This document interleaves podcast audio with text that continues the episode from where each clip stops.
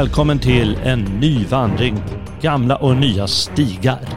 En lång vandring, drygt tusen år. För några veckor sedan vandrade vi hand i hand med antikens greker, Homeros, spartanerna i Thermopyle, Alexander den store, Sokrates och många andra. Och nu är turen kommen till det andra stora folket i, eh, under antikens dagar, för Europas del alltså. Eh, nämligen romarna. Den eviga staden grundades enligt legenden 753 f.Kr. och romarriket varade i mer än tusen år fram till 400-talet beroende på hur man vill se det. Världshistoriens längsta i tid alltså och mäktigaste rike. Det romerska folket och deras rike ägnar vi således dagens vandring på gamla och nya stigar. Låt oss börja.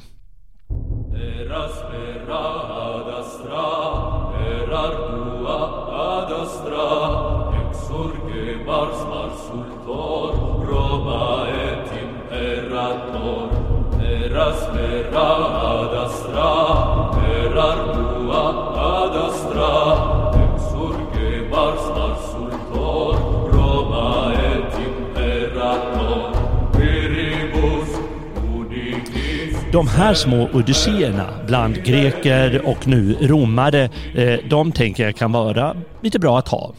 Dels eh, som historisk bas, men vilka var egentligen grekerna och romarna? Det är ju inte alla som har tid att läsa om sådant. Eh, men det är ganska viktigt som europe eftersom deras, deras tankar och deras värld utgör en viktig grund för det senare Europa. Och dels så har vi ju redan kört flera avsnitt på gamla och nya stigar om antika händelser och personer. Vi har tagit upp Homerus och hans två stora epos Italien, eh, Iliaden och Odysseen. Vi har kikat på spartanernas hjältedöd i Thermopyle där de stod emot en jättearmé av perser. Eh, vi har läst i romarnas nationalepos Eniden. Eh, vi har sett på hur germanska folk så småningom fick det romerska imperiet på fall och en del annat faktiskt. Och därför kan det vara bra att ha en översikt om grekerna och romarna. Och grekerna de blev ju färdiga, höll jag på att säga. Så gott man kan säga färdiga. Vi ägnade ju någon timme åt dem. Eh, man skulle kunna ägna hundra timmar utan problem. Men eh, de körde vi för några veckor sedan. Men vilka var egentligen romarna som vi ska ägna dagen åt? Jo, eh, vi känner ju till Itali eh, den italiska, säger man ibland, halvön. Den där eh, stövelformade eh, saken i södra Europa. Och där levde många folk. Eh, längst söderut där fanns det faktiskt greker som hade koloniserat eh, små delar då och grundat eh, små städer. Eh, en del av dem blev ju bland de största i Grekland, till exempel Syrakusa på Sicilien. Eh, och i, grekerna de intresserade sig egentligen måttligt för vad som hände eh, längre norrut, eh, till exempel där eh, själva Rom låg, eller kom att ligga. Ehm, och eh, ja, så var det. De tyckte väl inte det var intressant där. Ehm, vi har flera andra folk då än, än grekerna givetvis. Vi har, vi har de här latinarna som olika folk som bor då eh, runt Rom. Ehm, vi har eh, en, en hel del olika folkslag, samniter och volsker och allt vad de kan heta. Och, och det mäktigaste, eller det, det ska jag säga, det mest civiliserade, kulturella av alla de här folken och, och det mäktigaste också det var etruskerna som, eh, som levde i, i mitten av Italien kan man säga. Kanske ungefär där dagens Toscana ligger.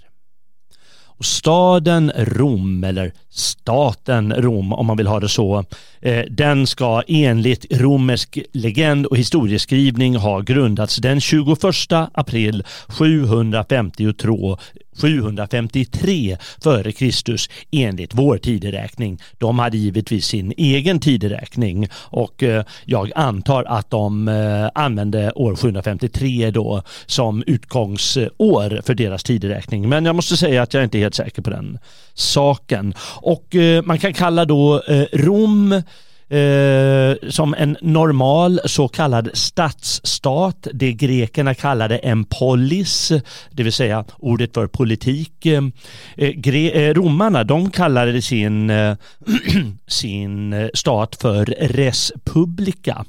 Därifrån har vi förstås ordet republik eh, som ungefär betyder folkets sak. Och det är alltså staten som är folkets sak. Och eh, med det här ordet folket eh, då förstår man också att det är alltså en sån typisk som det fanns i de här europeiska områdena i Sydeuropa, framförallt då Grekland och så sedan, sedan det italiska området. En, en sån stadsstat med folket som grund. Kanske istället för att det ska vara små klaner som, som eh, tillfälligtvis bildar olika förbund i staten så finns liksom en lite starkare stat med en större folklig förankring. Eller till skillnad från eh, de östra länderna, till exempel Egypten som, som styrs av farao och det är egentligen han som är Egypten får man väl säga. Och Rom, det var, eh, det bildades kan man säga då 753. Det här är ju ett årtal som givetvis massor med arkeologer och historiker har ifrågasatt. De, tyckte, de tyckte länge att det var lite väl tidigt det där och eh, ett tag under 1900-talet då var det lite poppis att dra romarriket ända fram till 500-talet någon gång att det först skulle ha grundats då. Men det har arkeologerna faktiskt visat, eh, visat och, och hittat en massa olika fynd som tyder på att det fanns någon form av av eh, stadsstat då. Men givetvis av en väldigt liten modell med eh, snarare än att det ska liksom ha varit en storartad kung så var det kanske någon sorts hövding som, som fanns då. Eh, och eh, det finns ju givetvis en massa olika legender kring eh, hur Rom har bildats. Vi känner ju till Rom, Romulus och Remus, de två bröderna som eh, sattes ut på Eh, eh i en korg i floden ungefär för att dö. Men en, eh, en varginna hittade dem och eh, födde upp dem i sin grotta och sen så småningom eh, lyckades de bli, bli, bli härskare i staden. Och romarna är ju lite konstiga med sina legender. Tyckte till exempel greken att de, de hade inget emot att vara Eh, så att säga, deras anfäder, till exempel Romulus och Remulus var någon sorts tjuvpack nästan, eller stråtrövare, banditer, som så småningom gjorde sig till härskare. Eh, vanligtvis så brukar man ta det liksom lite mer, eh, lite mer rejält och, och eh, kanske lite mytiskt nästan. Men eh, romarna de var väldigt praktiska och eh, enkla i, i sådana saker. Så deras anfäder var ett par skurkar som hette Romulus och Remus. Och Romulus han dödade ju rent av sin bror Remus när de blev eh, ovänner där på Roms kullar och då kunde han ensam bli eh, härskare i staden. Och då kallade han sig kung, för Rom var från början ett kungadöme.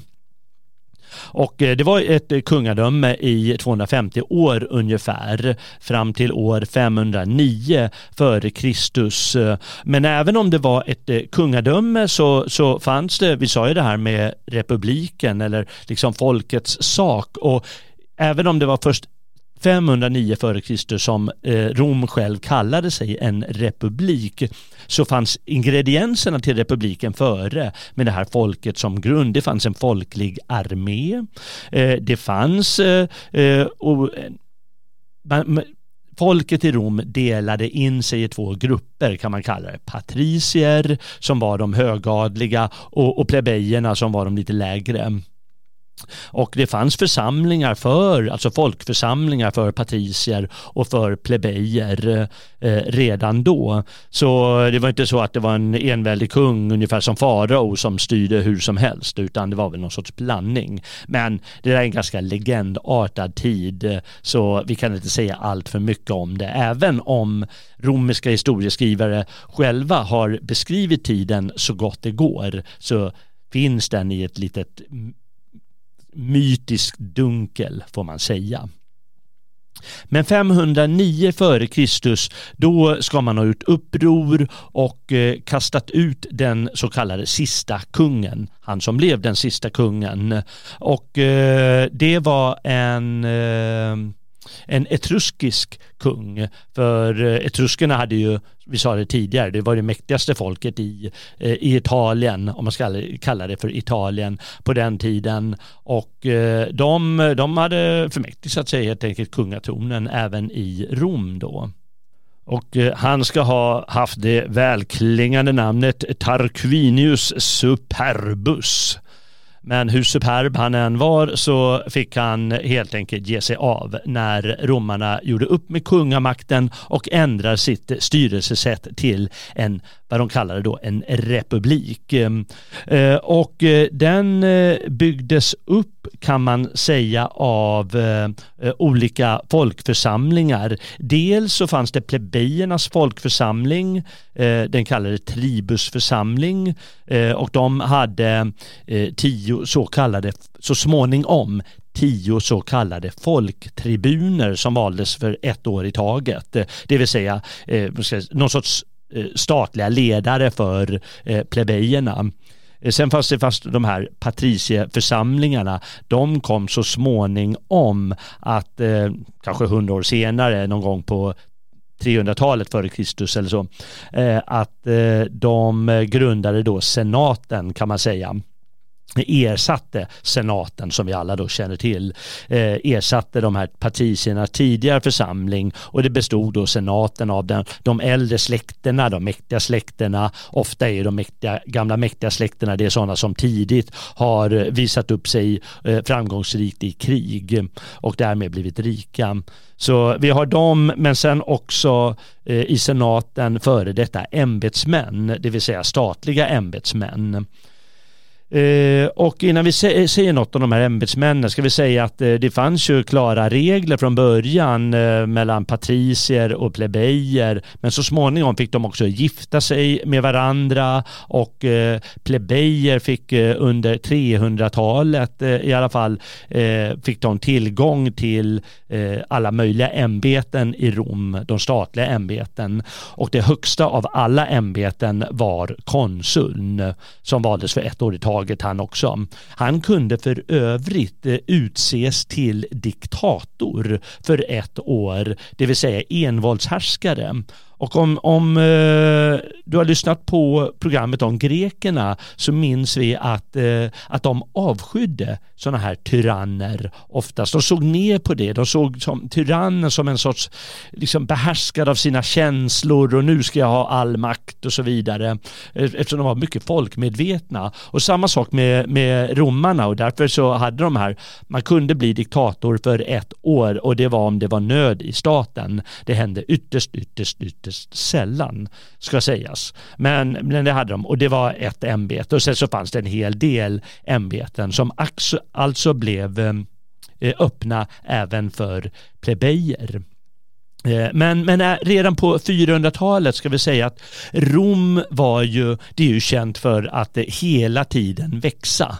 Och då undrar man lite hur kan de hela tiden ha kunnat växa på det sättet? Eh, eh, till att börja med så gjorde de sig förstås eh, Remus, eller vad säger jag, Romulus gjorde sig till härskare där i, i själva Rom och eh, snabbt till eh, de andra områdena runt Rom och under 400-talet eh, då hela eh, Latien där, där Rom låg. Och det heter ju området eh, än idag kring Rom. Och eh, just romarna får man anta, de blev så eh, framgångsrika kan man säga. Dels var de hänsynslösa. De, eh, de, de Vanligt är att man, man förlikar sig i, i krig efter ett tag eh, på den här tiden. Ja, men det är lite skärmytsling och sen förlikar man sig på ett vettigt sätt. Men romarna kunde vara riktigt hänsynslösa och, och plöja en hel by och bränna allting och eh, sla, beslav, eh, slavta, göra folk till slavar och till och med döda deras husdjur och dockor skulle brännas och rubbet. Eh, och det där gör, inskapar en viss fruktan och respekt givetvis. Eh, det kanske ligger någonting i att de var någon sorts eh, banditer i grund och botten romarna. En annan sak de var oerhört bra på det var just fördrag. Att de kunde göra saker till sin fördel.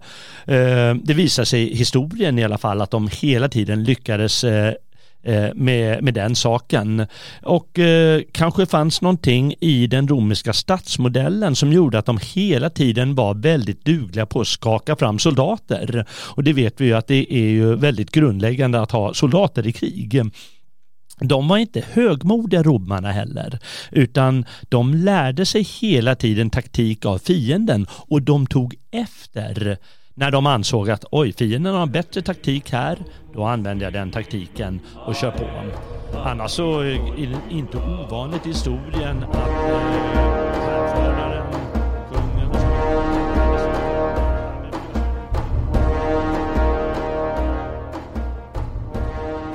Du har lyssnat på en del av ett avsnitt av På gamla och nya stigar som ges ut på sajten sveating.se.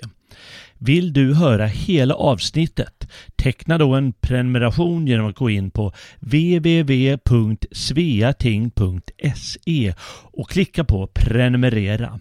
Där skriver du in din e-postadress varmed ett meddelande kommer till din e-mail. Klicka på länken i meddelandet.